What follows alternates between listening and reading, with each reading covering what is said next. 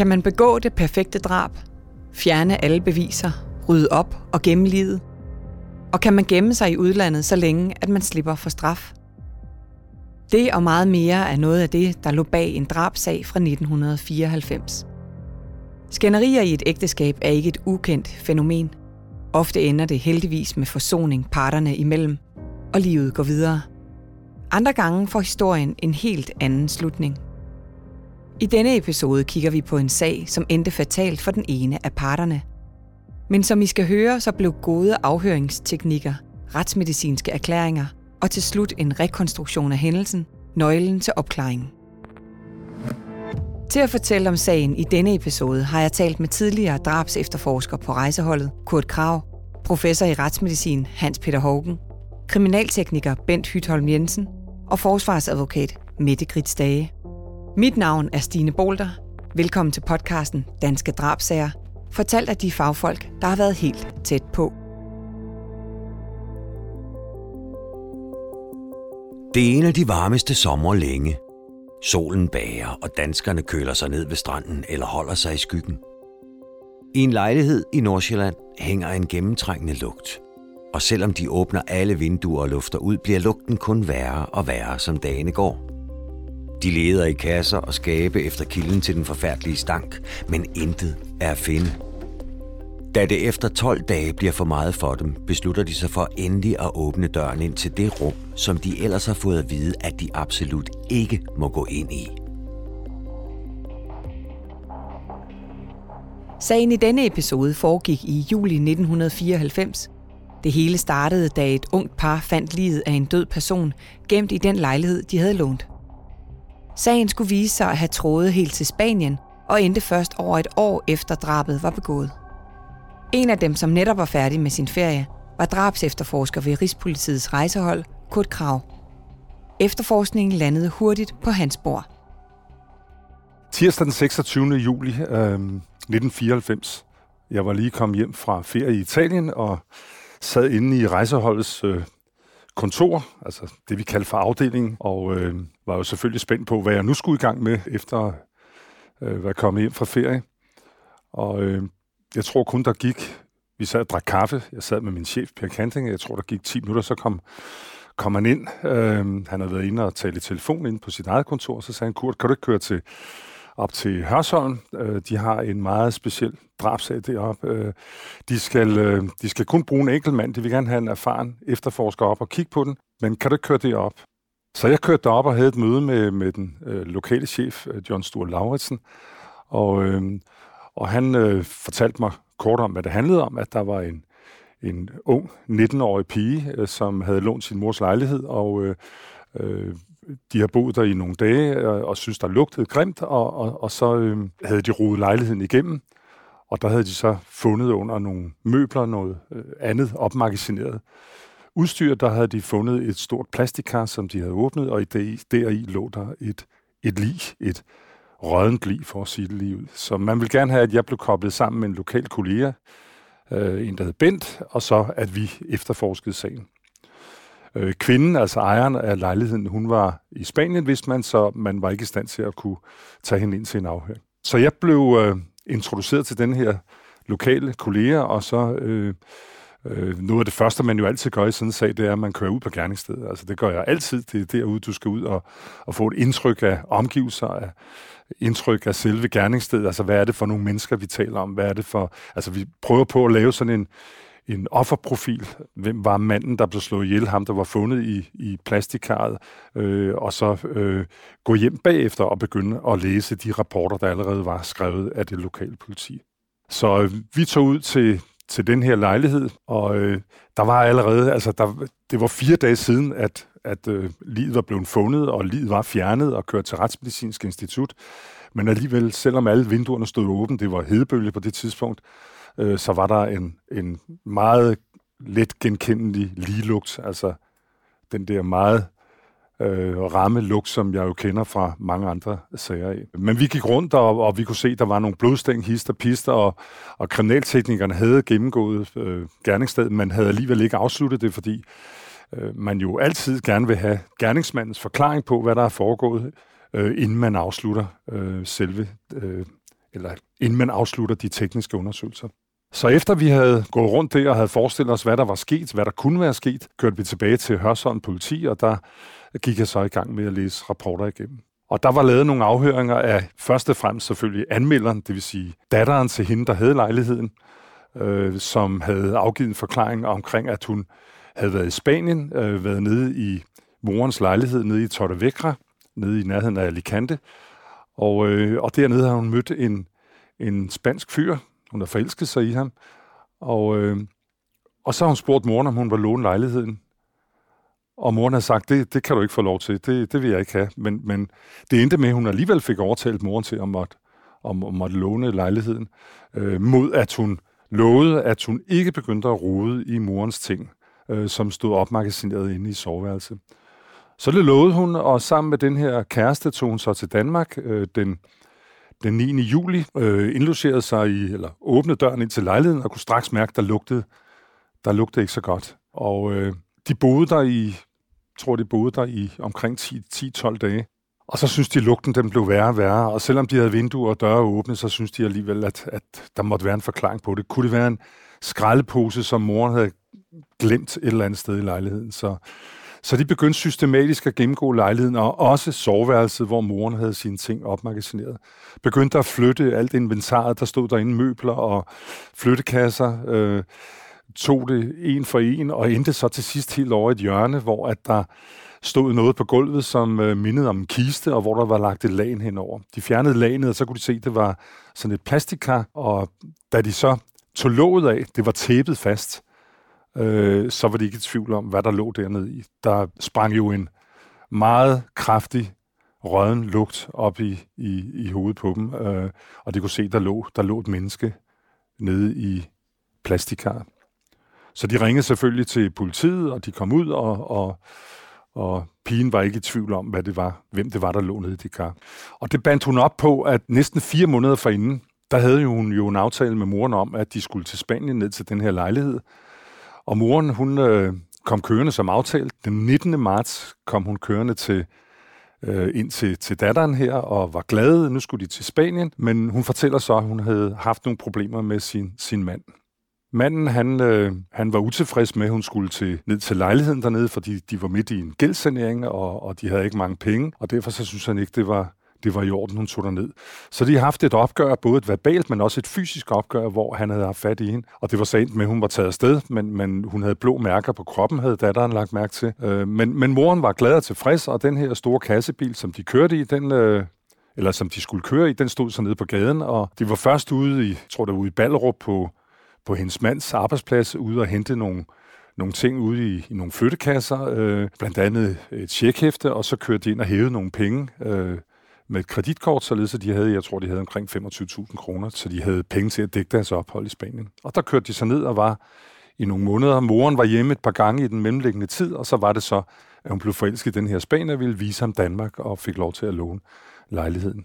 Det var jo en interessant, øh, selvfølgelig, altså en interessant rapport og en interessant forklaring, fordi det jo i den grad rettede mistanken mod, mod moren og indehaveren af lejligheden. Der var også nogle andre afhøringsrapporter, altså hvor man havde talt med beboerne i den opgang, hvor, hvor at gerningsstedet var. Og der havde man talt blandt andet med viseverden, der havde fortalt, at han den, den 17. marts, altså to dage før de tager til Spanien, der havde han hørt noget råben og skrigen og nogle bump oppe fra lejligheden, at han boede lige under gerningsstedet.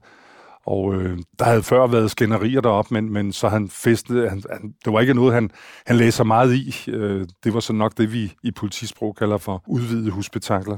Men næste dag møder han så kvinden her, og, øh, og hun kigger på ham, og så siger hun, jeg håber du øh, ikke, at det, du blev forskrækket i går aftes over den ballade, der var oppe i lejligheden, men, men det var fordi, vi havde et opgør, og vi blev enige om, at vi skal, vi skal stoppe vores forhold, vi skal skilles, og han flytter nu, og du for øvrigt, så kan du godt fjerne hans, hans navn på, på dørskiltet. Øh, han flytter, han, han er faktisk allerede rejst fra lejligheden af.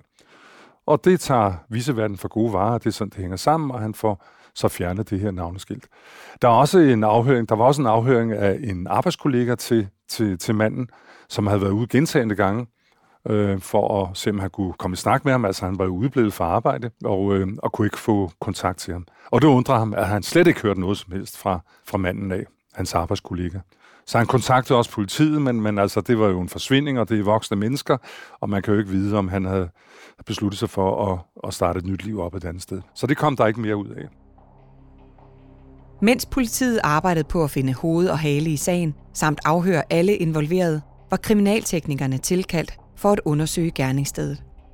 Det blev hurtigt klart, at drabet måtte være foregået i lejligheden, da flere vigtige spor var netop der. Kriminaltekniker Bent Hytholm Jensen fortæller om nogle af de spor, der blev fundet i lejligheden. Når man ankommer til gerningsstedet, så træffer man selvfølgelig efterforskeren, altså den lokale efterforsker, og så overtager man simpelthen gerningsstedet som kriminaltekniker, i hvert fald indtil man har sikret de spor, der er nødvendige.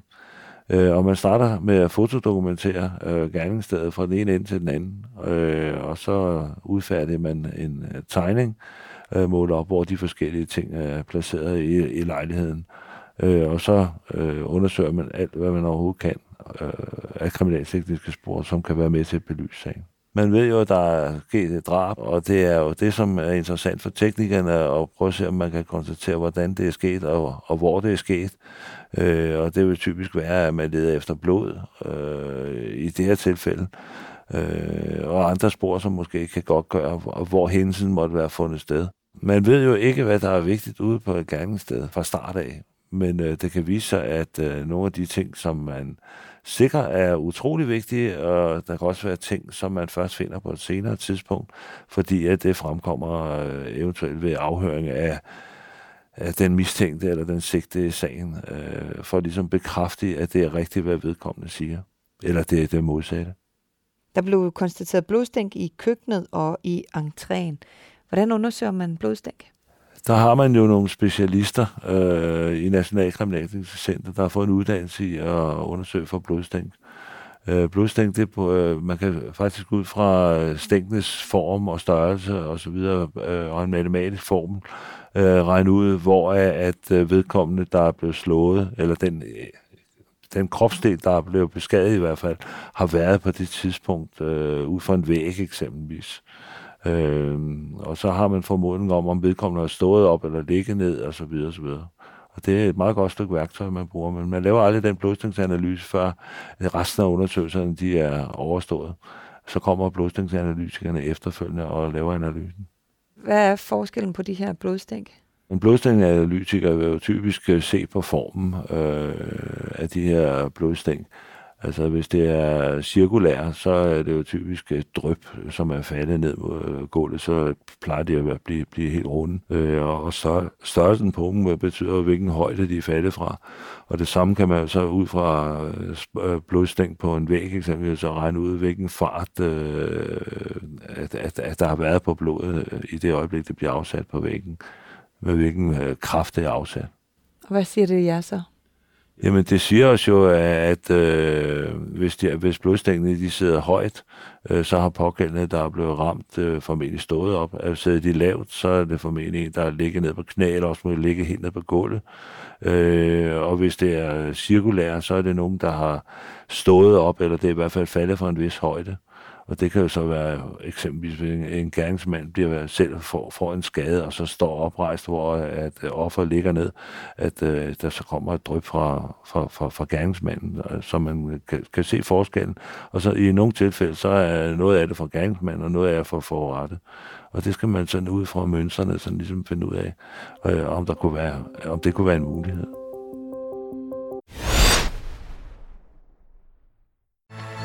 Hej Danmark! Patrik på Gekkas Ullared här. Hvornår har du planlagt din næste tur til Skandinaviens største varehus? På GK's i Ullared kan du shoppe og overnatte til fantastisk lave priser. Hvornår kommer du? Shoppa, bo och umgås på GKs Ullared. Kender du også det? Du har munden fuld af tyggegummi, da du uventet bliver stillet et spørgsmål. Hvad gør du? Smasker du svaret og tager klumpen i hånden, og hvad gør du med den, når du har svaret? Bare rolig, det er helt normalt. Og hos Normal kan du både købe nyt tyggegummi og pastiller, som du ikke behøver at spytte ud i hånden, når du fører en samtale. Normale varer, unormale priser. Nej, ikke et stenslag! Bare rolig. Har du kasko, så dækker din forsikring som regel reparationen hos Dansk Bilglas. Og skal ruden skiftes, klarer vi selvfølgelig også det. Dansk Bilglas. Book tid på bilglas.dk. Det er kun fagforeninger som FOA, der må forhandle din overenskomst, og din løn er netop blevet bedre. FOA kæmper altid for bedre løn og arbejdsvilkår, og vi er der også for dig, når du har brug for juridisk hjælp, et løntjek eller masser af gode rabatter. Vi står stærkere, jo flere vi er. Meld dig ind i FOA nu. Med pulsen bankende og hjertet i halsen løber hun ud i køkkenet. De skændes om den dårlige økonomi, lejligheden i Spanien, hans gældssanering. Han slår hende, og hun er angst for, hvad han ellers kan finde på at gøre ved hende. I kampens hede falder han pludselig ned på knæ. Resolut griber hun ud efter en mukkert, der ligger øverst i en værktøjskasse. Hun slår ham. Ikke bare én gang, ikke bare to gange, men mange gange. Til sidst ligger han helt stille på maven, mens en blodpøl under hans hoved bliver stadig større og større. Plastikkaret med den afdøde blev kort efter fundet kørt til Retsmedicinsk Institut, hvor retsmedicinerne kunne begynde deres undersøgelse af livet. Retsmediciner Hans Peter Hågen var på arbejde den dag og husker sagen tydeligt. Øh, jeg kom ind i den på den måde, at øh, øh politiet kontaktede Retsmedicinsk Institut og øh, fortalte, at øh, en såkaldt slagtekasse, et stort kar, plastikkar øh, med låg på, var på vej ind til os med en død person i, som de gerne ville have undersøgt. Det var på den måde, det startede. Og så fik vi jo efterhånden mere at vide om sagen. Men det, der så kom ind til os, det var så denne store slagtekasse, eller også slagtekar, som er en stor kasse af tyk plastik, og der lå på kassen. Vi tog låge af slagtekar eller slagtekassen.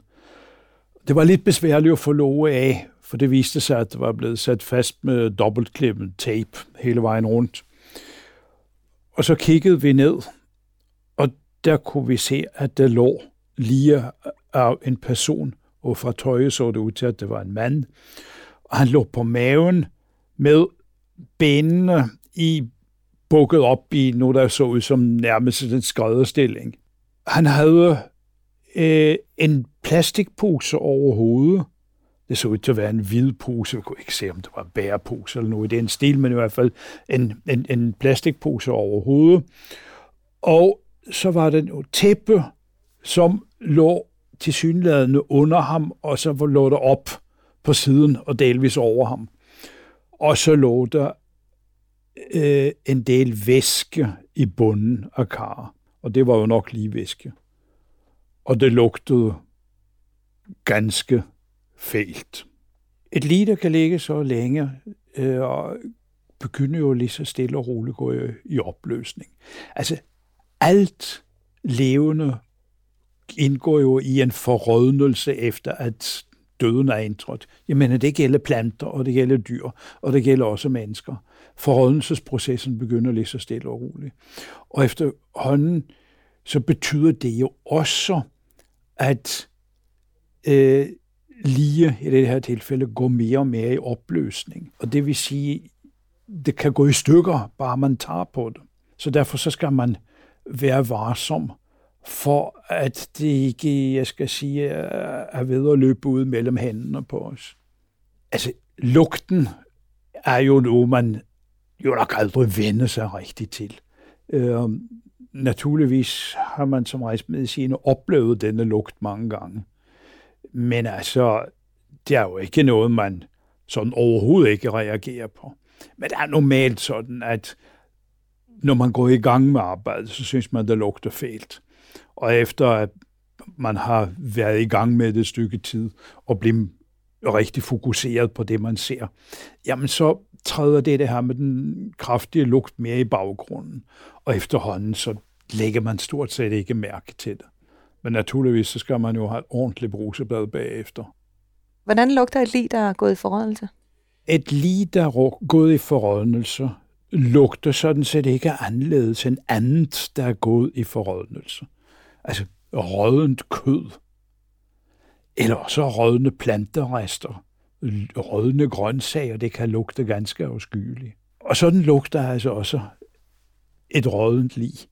Det er jo kød, der er gået i forrådnelse. Og øh, dette her kar, som jo alligevel var øh, en lille meter højt, jeg kan ikke huske højden nøjagtigt, der skulle vi have denne person op af, og han så ud til at være ret tung. Nå, men øh, ved fælles hjælp og ved tilstedeværelse af øh, politi og øh, kriminalteknikere, som hele tiden tog billeder, fik vi væltet Karl lidt over på siden. Ikke helt over på siden, så han, så han rutsede jo ikke ud. Og så fik vi langsomt bukseret den døde ud af Karl og løftet op på obduktionsbordet. Øh, og vi var flere personer om at gøre dette. Og det blev hele tiden fotograferet, step for step, for at være sikker på, at det ikke var noget, der gik tabt, eventuelt blev ødelagt under denne proces. Øh, for det vidste så var, så kunne det dokumenteres rent fotografisk, hvordan det havde set ud inden. Og da personen så var kommet op på, øh, på, på stålbord, fik vi lagt ham på ryggen, og så mens det stadigvæk blev taget en masse billeder, så blev tøjer langsomt taget af ham, øh, så vi kunne begynde at undersøge kroppen. På forsiden kunne vi ikke se nogen forandringer andet end det, der skyldtes forrådnelse. Men på bagsiden kunne vi se på hovedet, at der var det flere lesioner. Altså at øh, huden i hovedbunden var gået i stykker. Det så ud som om han havde fået slag, eller i hvert fald stump vold, om han var faldet, om han var slået. Det kunne vi jo ikke sige på det tidspunkt. Men der var i hvert fald skader på baghovedet og toppen af hovedet. Hvad tænker man, øh, mens man står og obducerer?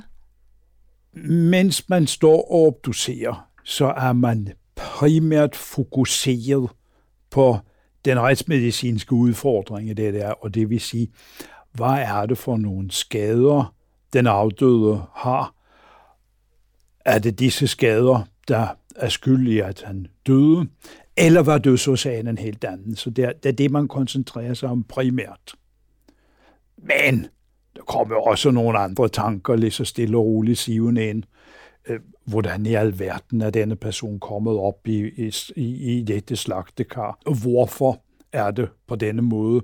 Vi fik jo videre af politiet, at slagtekar var fundet i en lejlighed inde på et øh, soverum, som ikke blev brugt, hvor der var øh, lagret en masse forskellige møbler og kufferter og ting og sager, øh, og at der var lagt nogle tæpper og duer og så videre over det, det slagtekar. Og så kan man jo ikke lade være med at tænke på, det, det, det, det var der noget mærkeligt noget, det der. Øh, hvorfor har man et slagtekar stående øh, i sin lejlighed?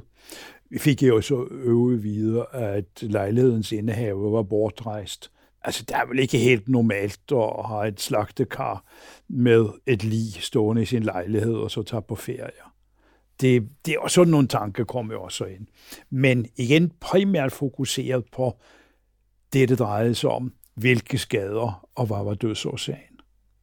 Med hensyn til øh, de her lesioner, der var i kraniet på manden, jeg kan forstå, at der var to øh, brud, eller i hvert fald to lesioner på en eller anden måde. Hvad, hvad, hvad var det, I kiggede på der? Der så vi jo på, hvordan så disse brud ud. Altså var der øh, for eksempel noget, var der noget knoglevæv, der var trykket ind? Øh, var det øh, nærmest sprunget op, var det bare revner?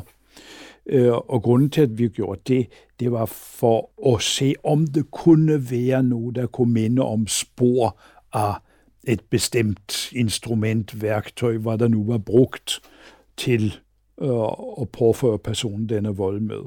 Altså, volden kunne jo være ved, at han var faldet ned fra et eller andet og stødt hovedet direkte mod noget. Det kunne også være, at han var blevet slået. Hvad ved jeg? Et jernrør, et baseballbat, en gren, en hammer osv.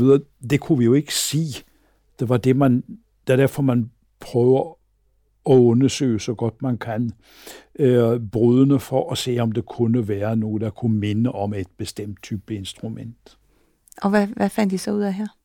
Vi fandt ud af, at det godt kunne se ud som. Vi var ikke sikre, men det kunne godt se ud som om det kunne være en stor hammer, må godt, noget i den stil. Uden at vi helt kunne udelukke, at det kunne være et rør eller et baseballbat. Men det var det, vi helt, ligesom hældte mest til. Og det var, der var ikke nogen tvivl om, at han var slået ihjel. Du tænkte ikke, at han kunne have været faldet og have fået de her brud? Nu så det ud klart, som om det var slag. Igen lidt svært at sige sikkert på grund af ligets tilstand. Men det, der sker ved slag i forhold til fald, det er, at man så på hjernen, på hjernens overflade, kan se noget. Ved fald, så ser du for eksempel, hvis man falder med hovedet og slår højre side, så vil du på hjernens overflade også meget tit se lesion, blodudtrædning, på den modsatte side. Hvis det derimod er en, der er slået på højre side af hovedet, så ser du normalt ikke nogen hjerneforandringer på venstre side.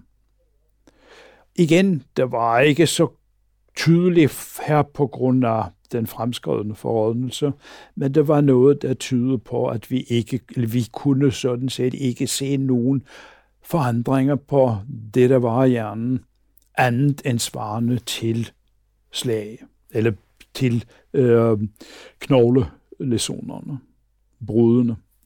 Og det vil sige, det tyder altså på, at det var slag det her. Vi obducerede jo den afdøde, og der fulgte vi det sædvanlige mønster for en obduktion. Det gør vi hver gang. Altså lige skal undersøges udvendigt, grundigt, og alle organer skal undersøges. Altså selvom det kun var påviselige læsioner i hovedet, jamen så skal alle de andre organer også undersøges. Det kunne jo være, at der var noget, og vi ville nødig overse noget.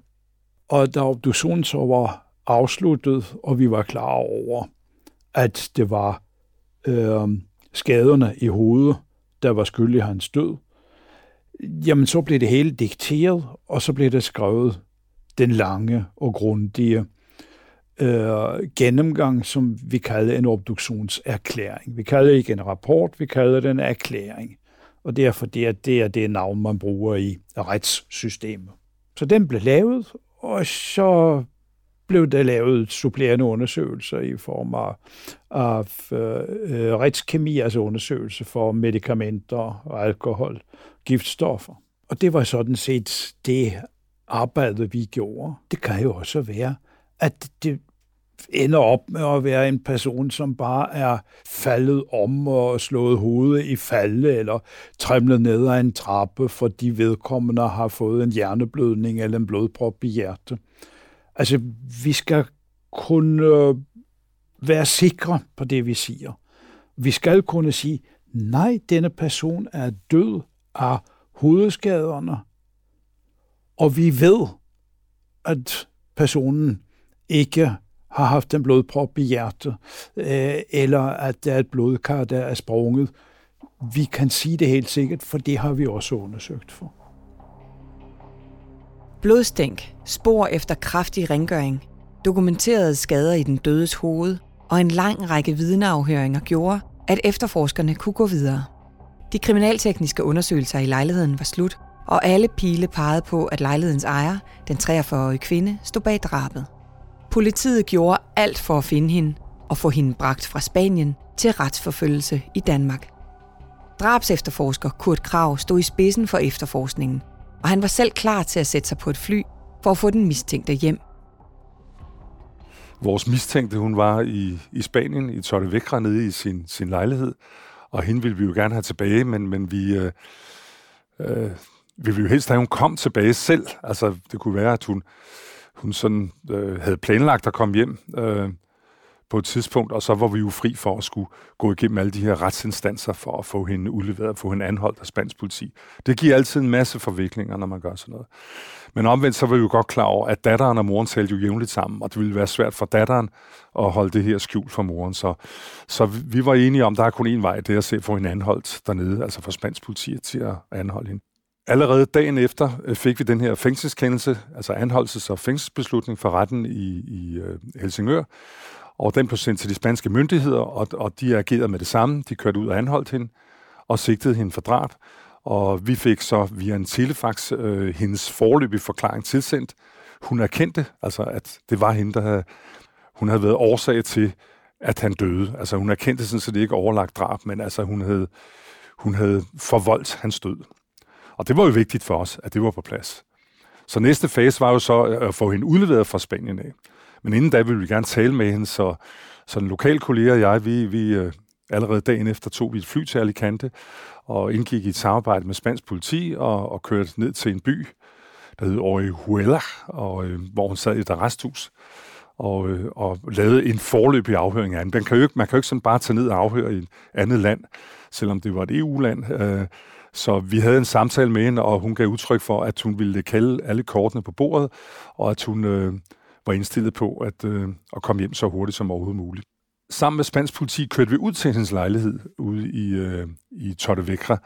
Øh, de havde jo været der, de havde været der og renset. De havde, da de anholdt hende, havde de også renset lejligheden. Det havde vi jo bedt dem om at gøre. Og der opdager jeg nede på parkeringspladsen, der står der en campingvogn, altså hendes campingvogn, og den havde vi glemt at skrive om i den her anmodning, så, så jeg bad så det spanske politi, om ikke de ville rense campingvognen. Men øh, det gør man ikke bare lige. Altså, den kendelse, der var afsagt, det var jo nogle dage forinden, og så kan man ikke sådan bare lige genoptage øh, sådan en rensning. Så det endte med, at vi måtte gå i retten igen, og, øh, og øh, hvor der så var en dommer, der skulle tage stilling til, hvorvidt at det var i orden, vi lavede den her rensning af campingvognen. Og af urensagelige årsager, øh, så besluttede dommerne, at det kunne vi ikke. Altså helt uforståeligt efter, havde det været Danmark, så havde vi jo bare gået ind, foretaget rensagning, og så har vi forelagt for en dommer bagefter. Så, men det er jo spansk lovgivning, og det må vi rette os efter. Så den campingvogn, den er aldrig blevet renset. Vi tog, øh, vi tog tilbage til Danmark og, øh, og afventede så, at spans, spanske myndigheder de ville, øh, de ville udlevere hende til retsforfølgelse i Danmark. I den mellemliggende tid, der gik vi så i gang med at lave alle andre afhøringer, altså kortlægge hans færden øh, fra øh, op til gerningstidspunktet, kortlægge hendes færden, hvordan hun havde hævet penge i, i forskellige banker øh, til at dække de her rejseomkostninger, og, øh, og, og i det hele taget afhøre familien, finde ud af, hvem var, hvem var gerningsmanden, skråstreg kvinden, altså den, den nu fængslede kvinde. Hvad var hun for, for, for, en, for en kvinde, og, og hvad var hendes baggrund? Øh, vi afhørte hendes eksmand omkring deres samliv, omkring deres ægteskab. Og da vi havde gjort det her øh, færdigt, så rejste jeg til en anden drabsag over i, i Nyborg, som, som jeg var involveret i. Og, øh, og på et tidspunkt, lidt over fire måneder efter, hun var blevet anholdt og fængslet i Spanien, der bliver hun udleveret til Danmark. Eller der kunne vi hente hende. Så vi fløj til Alicante og havde hende med i flyet, og da hun betrådte øh, den danske jord, så blev hun så anholdt og sigtet for drabet øh, på hendes mand. Kørte til, til retten, og, og der blev hun så varetægtsfængslet og blev anbragt i arresten op i Helsingør. Så jeg var jo meget spændt på nu. Nu vil jeg jo rigtig gerne afhøre hende og høre, hvad var det i grunden, der var sket. Så et par dage efter, der kørte jeg op til arresten øh, sammen med lokale kolleger og for at hente hende. Og jeg husker stadig, at den her arrest forvarer, som det hedder, arrest, øh, arrestbetjent, øh, mens vi ventede på, at hun skulle blive øh, hentet ned i cellen. Han kiggede på os, og så sagde han, at hende der, det hende med, med det der slagtekar, som vi har læst om i avisen. Ja, det er det. Hun er godt nok en, en meget anderledes kvinde. Altså, øh, allerede to eller tre dage efter, hun var blevet indsat heroppe, øh, så havde hun øh, overtaget styringen af hele den gang, hun, hun, hun sad på. Øh, og det er usædvanligt. Som regel så er det de store, muskelstærke øhm, øh, gutter, der sidder sådan et sted der, der, der styrer øh, de andre indsatte. Men her var det altså hende, der havde været i stand til at, at styre dem. Så øh, hun kom ud, og jeg kunne se, at hun havde tabt nogle kilo, men ellers så, øh, så så hun, Hun har siddet fire måneder i spansk fængsel, og det er ikke sjovt. Altså, det er jo noget med at sidde måske 10-15 stykker i en, i en celle øh, under ret øh, uhygiejniske forhold. Så hun var selvfølgelig glad for at være kommet til Danmark. Jeg gik i gang med en afhøring af hende, og, øh, og øh, hun forklarede så i detaljer, hvad der var foregået. Hvordan, hvordan samlivet havde været med, med manden. Det havde været udmærket, men, men de havde problemer med, med, med økonomien og var i gang med en større gældsaneringssag. Og, øh, og da hun meddeler ham der i marts måned, at hun vil tage til Spanien ned til sin lejlighed, så bliver han tosset, og han begynder at slå på hende. Hun flygter ind i stuen, han forfølger hende, og hun, øh, hun flygter ud i køkkenet, og på et tidspunkt, der øh, ser hun i en værktøjskasse, der står åben ude på, på køkkengulvet. Der ligger der en mukkert, og hun tager den simpelthen øh, øh, sådan reflektivt, og, øh, og så banker hun ham nogle gange i hovedet med den her mukkert. Øh, og der tænkte jeg jo så tilbage på, jeg havde jo også siddet og læst det, der er altid interessant i, en, i sådan en sag her, det er jo obduktionserklæringen. Altså, hvad havde, hvad havde det vist? Hvad havde, hvad havde undersøgelserne vist på Retsmedicinsk Institut? Og de havde jo vist, at han var, altså dødsårsagen var talrige øh, hovedlæsioner, fortrinsvis i, eller faktisk alle sammen i baghovedet. Øh, og, og det vil sige, det, det var brud på kraniet, og, og det var faktisk det, der var, var dødsårsagen. Øh, og det kunne jeg ikke helt hænge sammen, få til at hænge sammen med hendes forklaring om, at, at hun forsvarede sig øh, mod hans, hans angreb. Øh, men jeg, jeg stiller aldrig spørgsmål i, i sådan en afhøring her. Jeg lader hende fortælle, og det, og det gjorde hun så. Øh, fortalte, at efter hun havde slået ham ned med, med mukkerten, øh, og han lå på maven ude i køkkenet, ude i entréen, øh, så skete der det, at hun, hun tændte simpelthen af, og så øh, gentog hun øh, gang efter gang og, og slå ham i hovedet med, med mukkerten. Det er noget, vi ser ofte i sådan nogle sager der. Altså man, i den her ophidselse, der er, så ender det med, at man laver det, der hedder sådan et overkill. Øhm, og det gjorde hun så også her. Så jeg vil sige, det er der ikke noget usædvanligt i, at han fik talrige slag mod hovedet. Hun satte sig på, på øh, en stol ude i køkkenet og kiggede på, på manden, der nu lå i en, i en blodpøl. Det kunne hun ikke holde ud at se på, så hun tog en plastikpose og trækker over hovedet på ham. Og, øh, og så gik hun hen og, og skrev over ham og trak ham ud i entréen, fordi han, han lå simpelthen sådan, hun ikke var i stand til at kunne gå frem og tilbage i køkkenet og heller ikke ud på badeværelset. Og øh, så gik hun i seng, tænkte lidt over tingene, og næste morgen, da hun stod op, så satte hun sig ud i køkkenet. I løbet af natten var hun flere gange på toilettet og skrevet hen over livet af manden. Om morgenen satte hun sig ud i køkkenet. Hun havde set en annonce i et lokalblad øh, for et firma, der lå ude i Søborg, som, som solgte slagtekar, altså øh, plastikkar til kødindustrien.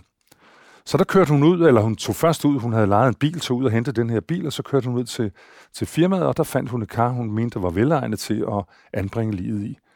Og, øh, og det fik hun så smidt ind i bilen, i den her kassebil, og øh, i løbet af natten, når alle lå og sov, så fik hun transporteret karret op via elevatoren op til lejligheden, ind i lejligheden, og, og, så, øh, og så fik hun løftet livet af manden op i karret og sat låg på, tæppede det til, trak det ind i soveværelset og gemte det under en hel masse andre øh, møbler og, og flyttekasser. Allerede der var jeg lidt skeptisk, fordi manden han vejede 100 kilo, og han er ikke sådan bare lige løfte og smide op i sådan en plastikkasse, så jeg tænkte, har hun nu været alene om det? Og det er jo sådan i sådan en sag, altså lige så snart man overhovedet kan, så begynder man jo at tænke lidt i motiver. Altså, hvad var i grunden motivet til, at han skulle dræbes? Altså, var det bare sådan et, et sædvanligt, vil jeg næsten sige, sædvanligt øh, affektdrab imellem øh, samlevende mennesker? Øh, eller var det et jalousidrab? Var motivet måske øh, jalousi, altså hvor man har en tredje part inde i billedet? Så det begyndte vi at lede lidt efter. Havde hun indledt et nyt forhold, kunne der være noget, der indikerede, at hun at, hun, øh, at der var de her klassiske trekantsdrama. Det var der ikke noget, der tyde på, øh, men det lå hele tiden i baghovedet på os. Øh, kunne, kunne det være sådan? Det var det ene motiv. Det andet motiv, som vi også er inde i billedet, det var det økonomiske motiv. Hun havde, hun havde, havde, havde fundet ud af ved at kontakte bankerne og ved at og, og få informationer fra altså kontoudskrifter, der kunne vi se, at hun havde hævet i hvert fald 25.000 på hans konto, med hans kontokort. Så der kunne også være et økonomisk motiv. Og så er der nok dem, der vil sige, eller stille spørgsmålet, jamen, altså, man begår der ikke drab på grund af, altså, for at hæve 25.000. Men øh, vi har før set drab, hvor motivet det, øh, kan være en øl. Altså, vi har haft nogle drab ude på Amager, hvor at grønlænder slår hinanden ihjel på grund af uenighed omkring, hvem der ejer en øl. Så, så, så alt er relativt, og, og derfor kan man bestemt ikke udelukke, at 25.000 kroner kan være et motiv til at begå drab. Så de to motiver, de var i spil. Og, og noget af det, som jeg også synes, der var væsentligt, det var jo, hvordan kunne hun finde på at låne sin lejlighed ud til sin egen datter? Altså velvidende, at der lå livet af hendes mand inde i soveværelset. Og, øh, og der kom hun faktisk også med, med en forklaring, som, som, som bestemt gav mening. Altså hun fortæller, at da de er nede i Spanien, øh, og datteren har mødt den her øh, spanske kæreste, øh, så går hun jo i gang med at bearbejde og manipulere med moren, som døtre jo kan gøre, øh, fordi hun vil have lov til at låne lejligheden. Øh, og som hun sagde flere gange til moren, jamen altså, hvorfor vil du ikke låne mig den? Du er der jo ikke, og det har jeg jo gjort før. Hvorfor skulle jeg ikke få lov til at låne den? Den står jo tom. Du er hernede i Spanien. Og det havde hun rigtig svært ved at, øh, at give en forklaring på, hvorfor hun ikke øh, måtte gøre det. Og så tænkte hun, altså til sidst så gav hun simpelthen op over for datteren. Det kender vi jo godt som forældre, det der med, at man bliver manipuleret af sine børn, ikke? især døtrene. Det kender jeg i hvert fald til. Jamen, øh, så til sidst så gav hun op, og så tænkte hun, jamen altså, han, altså livet var jo nede i den her plastik, øh, det her plastikkar, og der var, det var tapet til, så, øh, så, øh, så fik hun bare datteren til at love, du øh, går ikke ind og begynder at rode mine ting. Du begynder ikke at rode tingene her, så så det håbede hun på, at, at datteren ville overholde. Hun havde ikke forudset, at, at der var hedebølge i Danmark, og, og dermed så, øh, så skete der også den her kraftige forholdelse, som gjorde, at det simpelthen trængte ud igennem øh, plastikkarret og bredte sig i hele lejligheden. Det, hun ikke, det vidste hun ikke, at det ville ske. Så selv det var der også en forklaring på, selvom umiddelbart så, så vil man jo sige, hvordan, hvordan kan man gøre det? Ikke? Hvad havde kvinden egentlig planlagt, at der skulle ske med det her lige? Jamen, det var jo også et, et spørgsmål, jeg stillede hende øh, rigtig mange gange, fordi det gav jo ikke rigtig nogen mening. Altså, øh, jeg var inde i en, i en teori omkring, og det spurgte jeg hende også om, om det var det, der var planen, at, at når nu det var gået fuldstændig i forholdelse, at hun så ville hælde det ud i toilettet, og så tage resterne, og så og bære det ned og smide det i en affaldskontainer, eller grave det ned i skoven. Men der var hun helt, hun sagde, jeg havde slet ikke tænkt i de baner. Jeg havde på ingen måde lavet planer om, hvad der skulle ske efterfølgende. Øh, det udskød jeg. Altså, han blev anbragt i plastikkar, det blev tabet til, og så skubbede jeg det fra mig. Så hun havde ingen planer om det. Flere brud i mandens baghoved tydede altså på, at han var blevet slået ned bagfra og død af sine kvæstelser. Men mukkerten var i mandens værktøjskasse, og derfor tydede intet på, at kvinden havde planlagt drabet på forhånd. Efter drabet havde kvinden, ifølge sin egen forklaring, fået manden op i plastikkarret og gemt det væk allerbærest i hendes soveværelse. På en resteplads i Tyskland havde hun skaffet sig af med alle beviserne, såsom gerningsvåbnet og blodige gulvtæpper, før hun sammen med sin datter var kørt videre på ferie i Spanien i en mørkegrøn Volvo med en campingvogn spændt bagpå.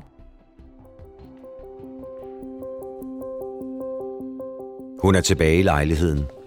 Der er flere folk til stede, som hun ikke kender, og alvorlige blikke hviler på hende – Kameraet er vendt mod hende, og den røde lampe på siden indikerer, at kameraet er tændt. Pludselig er hun igen tilbage ved episoden for næsten et år siden. Det er torsdag den 17. marts 1994 i hendes tanker, og hun er op og skændes med sin mand. Selvom det er længe siden, står hendes handlinger klart i hukommelsen. For at få alle brikkerne til at falde på plads, og for at være helt sikre på, at kvinden havde begået drabet selv, og ikke havde haft en medsammensvoren, måtte efterforskerne helt til bunds i sagen. Kurt Krav fortæller. Vi har afhørt hende igen detaljeret omkring, hvordan hun havde fået ham op i karret, men jeg kunne stadig ikke få det til at, at, at hænge sammen. Øh, det, som vi så besluttede, øh, det var, at vi ville gennemføre en såkaldt rekonstruktion. Noget, som jeg har gennemført i, i mange andre sager, altså hvor man simpelthen prøver på at rekonstruere hele, hele scenen for The Crime Scene, som det hedder, for hvordan det så ud nøjagtigt den 17. marts 1994, da hun dræbte ham. Øh, og det vil sige, at det skulle foregå på gerningsstedet, og så skulle vi have de rette remedier, det vil sige et, et plastikkar tilsvarende, øh, og så skulle vi have en figurant. Så rekonstruktionen, den blev gennemført næsten et år efter, øh, at hun havde dræbt ham. Og det, der skete, eller den måde, det foregik på, det var, at øh, vi havde det her plastikkar. Vi havde en figurant, en lokal politimand, som havde nogen samme størrelse som, som den dræbte. Der var tilkaldt en forsvar, der var tilkaldt øh, anklageren, øh, således at det senere kunne bruges i retten. Hvis ikke man gør det, så er det ikke noget, så er det ikke noget bevis, du kan bruge i retten. Og så var der selvfølgelig en kriminaltekniker, der filmede og optog øh, lyden af det. Og så var der mig, der var en form for instruktør, øh, og som skulle sætte tingene i sving. Og så var der indkøbt en, en, en mukkert, men en, en med, med gummihoved, altså en gummimukkert.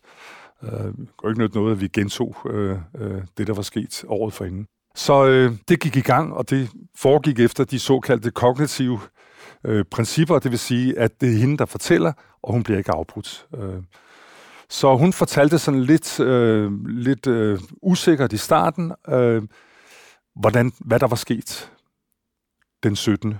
marts 1994. Men stille og roligt, og det er også min erfaring fra sådan nogle rekonstruktioner, så levede hun sig ind i situationen. Hun, øh, hun levede sig tilbage i tiden, og vi var helt klart tilbage ind i hendes hoved til den 17. marts.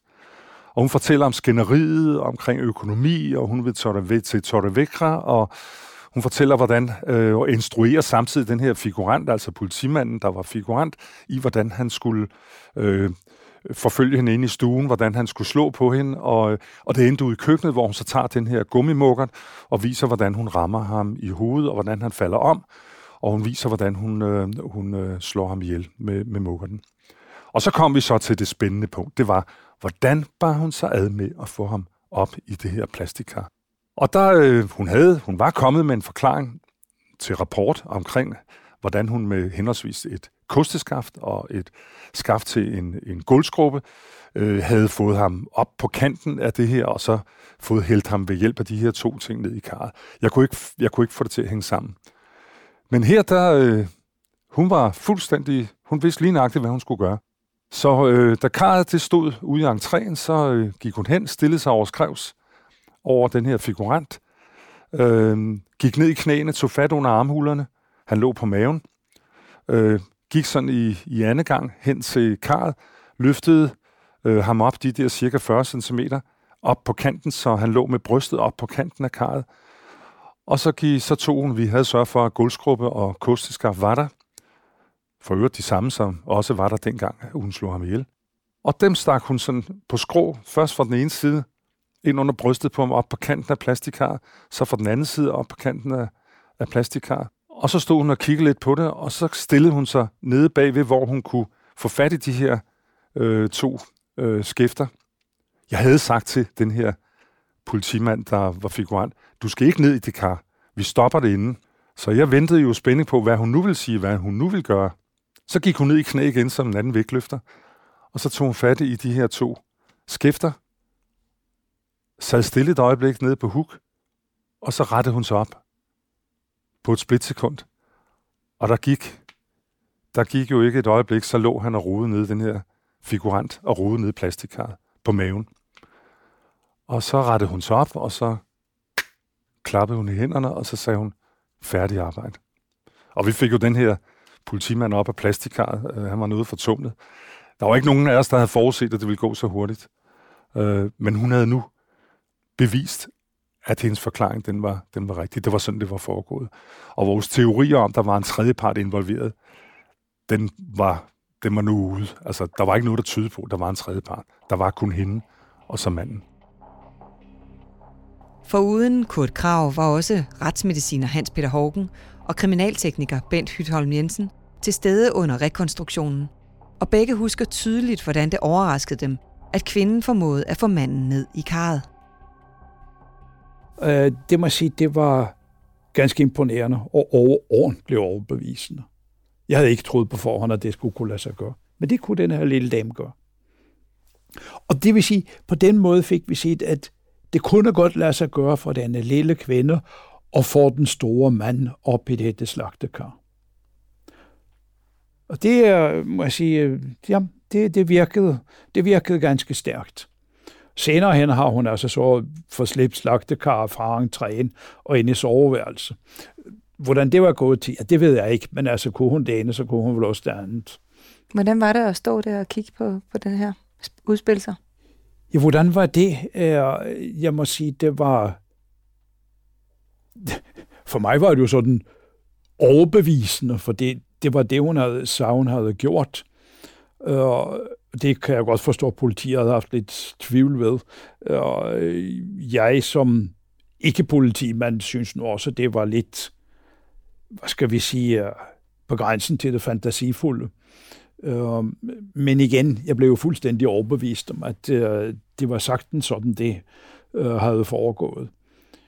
Og så det vil sige, at jeg var glad for, at denne rekonstruktion blev foretaget, og også glad for, at jeg kunne være med til den, fordi øh, for mig gav det jo også en mening om, at nu vidste jeg også, hvordan dette lige var kommet op i slagtekar. Og nu kunne jeg også godt forstå, hvorfor øh, han lå på maven dernede. En af de arbejdsopgaver, jeg havde, det var at lave rekonstruktioner. Øh, altså videorekonstruktioner. Øh, og øh, vi kørte op i den her lejlighed, og så øh, forberedte vi den der rekonstruktion, blandt andet ved at, øh, at vi førte kabler ind til tilstødende lokale, sådan at forsvarsadvokater og anklager og alle dem, at de kunne stå inde ved siden af og se, hvad der foregik øh, i forbindelse med rekonstruktionen. Øh, vi troede, det var løgn, men, øh, men, men det kunne godt lade sig gøre. Det var faktisk meget godt, godt, godt, godt udtænkt, vil jeg sige. På trods af, at hun ikke var så stor. Hvad tænkte du, da du stod og så på det? Jeg tænkte, det var da utroligt. Og det tror jeg stort set alle de tilstedeværende, de, de gjorde. Men hun var sådan lidt, øh, hvad skal man sige, hun virker ikke voldsomt påvirket af det. Onsdag den 21. juni 1995 blev kvinden kendt skyldig i at have dræbt sin mand med slag mod hovedet og gemt ham i slagtekarret. Retssagen blev fuldt af flere medier, og ifølge BT var kvinden lettet, da dommen faldt. Hun udtalte, at det først var nu, hun følte sig fri. Under retssagen havde kvinden tilstået, og hun havde forklaret, hvordan de to havde været op at toppes på grund af dårlig økonomi. Da manden så snublede på køkkengulvet, havde kvinden set sit snit til at tage en halvanden kilo tung mukkert i en værktøjskasse og havde slået den ned i sin knælende ægtemands baghoved. Forsvarsadvokat Mette Grits Dage har haft en del sager om alvorlig og personfarlig kriminalitet, og selvom sagen her ikke var hendes, fortæller hun, hvad sådan et drab og usømmelig omgang med lig normalt ville koste i straf. I dag der ligger det ret fast, at et øh, drab øh, det giver 12 års fængsel, og så kan der selvfølgelig være nogle skærpende nogle formidlende omstændigheder, og hvis der også er noget usømmelig omgang med lig, så betyder det sædvanligvis, afhængig af hvor groft det er, at vi måske er oppe på en 13 år. Men øh, tommelfingerreglen er 12 år. Det er, det er sådan, det ser ud i dag, fordi øh, det var rent faktisk således, at for år tilbage, der fik man kun 10 års fængsel, hvis den pågældende, man slog ihjel, var ens øh, kone eller mand eller kæreste. Så blev der simpelthen givet sådan en slags øh, ægtefællerabat, som betød, at øh, straffen den kun lød på 10 år. Så, så hvis man skulle slå nogen ihjel, så var det altså, øhm, i hvert fald i forhold til straffen, mere hensigtsmæssigt at slå nogen nærtstående ihjel end, øh, end en eller anden fremmed. Hvorfor har vi ikke den regel mere? Øh, på et tidspunkt så øhm, tog højesteret stilling til, om det virkelig var rimeligt, at det skulle være billigere at slå sin øh, kone eller kæreste ihjel, end at slå naboens kone ihjel. Og der nåede man simpelthen frem til, at det, det, det duede ikke, sådan skulle det ikke være længere. Og der tror jeg altså, at de fleste danskers retsfølelse øh, bakker op omkring højesterets ændrede praksis, fordi det virker jo helt vildt mærkeligt, at det kun giver 10 år, lige snart man er nærtstående. Drabskvinden i den her sag, hun øh, fik 10 års fængsel, hvilket jo var taksen dengang, og det blev stadfæstet i Løsterlandsret. I landsretten, der prøvede forsvaren at få straffen ned under de 10 års fængsel. Han gjorde gældende, at der var nogle familieomstændigheder, og øh, det var jo fordi, at det her par havde levet sådan lidt et tumultarisk liv. Altså, der havde været nogle uoverensstemmelser mellem dem gennem en længere periode. Men det kom han trods alt ikke igennem med. Da, der vurderede landsretten altså, at man skulle ikke længere ned end 10 år. Er det egentlig en skærpende omstændighed, at hun gemmer livet i sin lejlighed og stikker af til udlandet, kan man sige? Er det, gør det noget for hendes straf? Ja, i den her sag er der jo ikke kun tale om et drab, men der er også tale om overtrædelse af den paragraf, der hedder usømmelig omgang med lig, fordi hun jo netop gemmer livet efterfølgende og tager på ferie, mens livet ligger i lejligheden. Og det er selvfølgelig en skærpende omstændighed, men det har til sydenlandet i den her sag ikke været skærpende nok til, at straffen skulle op over de 10 år, som jo dengang var udgangspunktet. Sagen var overstået nærmest præcis et år efter livet var blevet opdaget den varme sommerdag i Nordsjælland. Drabs efterforsker Kurt Krav fra rejseholdet kunne lukke efterforskningen og tage videre ud i landet. Men han glemmer aldrig sagen, og gerningsmanden glemmer vist heller aldrig ham. Altså, da rekonstruktionen den var overstået, øh, så var der nogle få øh, afhøringer, vi skulle have på plads, og så forberedte vi sagen til, til anklagemyndigheden, og, øh, og den, øh, altså nogle få måneder efter, den 21. juni 1995, øh, der faldt der dom i sagen. Øh, hun blev idømt 10 års fængsel, og så var den afsluttet for mit vedkommende. Og julen 1995, der modtog jeg et julekort fra hende, hvor hun ønskede mig glædelig jul. Det kan man selvfølgelig, det, det, det, det er der mange, der undrer sig over, at, øh, at, øh, at sådan noget det kan ske, men det, det er sket for mig før, og, og, og jeg kan kun forklare det med, altså, at, øh, øh, hvad skal man sige, de, øh, de fordomme, som folk har, eller jeg vil hellere sige, det indtryk, som folk har fra talrige krimiserier, nemlig at, at der er det her meget anstrengte forhold imellem politimanden, der afhører, og så, og så gerningsmanden. Øh, sådan er det sjældent i virkeligheden. Altså i, i det virkelige liv, der foregår, der foregår det i en god dialog, hvor man øh, prøver på at få det bedste ud af det, og med respekt for, for, for den sigtede. Altså, og jeg prøver jo ikke på nogen måde på at, at, at, at dreje sagen nogen steder hen. Jeg prøver også på at finde de undskyldende momenter, der er øh, i sagen. Øh, så, øh, og det er jo min pligt som politimand at, at lave et objektivt stykke arbejde, så retten har et, et ordentligt grundlag at kunne dømme ud fra. Så hvis man behandler alle mennesker for den sags skyld, men i særdeleshed en gerningsmand til sådan en drab her på en ordentlig måde, jamen, øh, så er man selv tilfreds, og, og så er de også tilfreds, så respekterer de en. Jeg har jo aldrig haft, jeg har aldrig haft øh, hemmelig adresse eller hemmelig telefonnummer. Man har altid kunne finde ud af, hvor jeg, hvor jeg bor. Jeg er aldrig blevet truet øh, af nogle af dem, jeg har været med til at, at, at putte i, i fængsel. Hun blev løsladt i 1999 efter at have siddet fængslet i knap fem år. Altså, hun fik jo 10 års fængsel, øh, og blev løsladt efter, efter faktisk fem år. Kom ud i 1999. Og det er der jo mange, der, der, der synes, at det kan ikke være rigtigt, altså man kan komme ud så hurtigt. Men altså, for mig er det helt okay. Jeg, har, jeg, har, jeg har absolut ikke tilhænger af længerevarende fængselsstraffe til, til mennesker, som ikke udgør en fare øh, for samfundet. Altså, det er kun, når det drejer sig om mennesker med, med klare psykopatiske træk, der mener jeg både, at vi har en, en ret, men også en pligt til at holde dem indspærret for tid og evighed. Så ikke de går ud og gør det igen. Men den her kvinde, hun vil sandsynligvis aldrig nogensinde komme i samme situation igen. Så hvorfor skal hun, altså hvorfor skal man, det, det kan jeg slet ikke se. Jeg synes, for mig, der er det helt okay, at man kommer hurtigst muligt ud og kommer, bliver resocialiseret og kommer tilbage i, i, i samfundet. Kvinden havde forklaret, at det var en frygt for hendes eget liv og en tilfældig mukkert i en værktøjskasse, som gjorde, at hun slog sin ægte mand ihjel. Det er sjældent, kvinder slår ihjel i Danmark, men i sagen her var gerningsmanden netop en kvinde. Hun er for længst kommet ud og blevet resocialiseret i det danske samfund. Sådan fungerer vores retssamfund, at når en kriminel har udstået sin fængselsstraf og bliver sat på fri fod igen, ja, så skal man give dem en ny chance for at få et lovlydigt liv uden for fængslets mure. Faktisk har jeg talt med en nær pårørende til den dræbte mand i sagen her, og vedkommende har tilgivet den dømte kvinde den dag i dag. Tak til tidligere drabs efterforsker på rejseholdet, Kurt Krav, professor i retsmedicin Hans Peter Hågen, kriminaltekniker Bent Hytholm Jensen og forsvarsadvokat Mette Grits Dage for jeres fortælling. Speaks indtalt af Henrik Forsum Podcasten er produceret af Bauer Media og True Crime Agency. Klippet af Emil Schelte og tilrettelagt af anne Cecilie Gernyx. Mit navn er Stine Bolter. Tak fordi du lyttede med.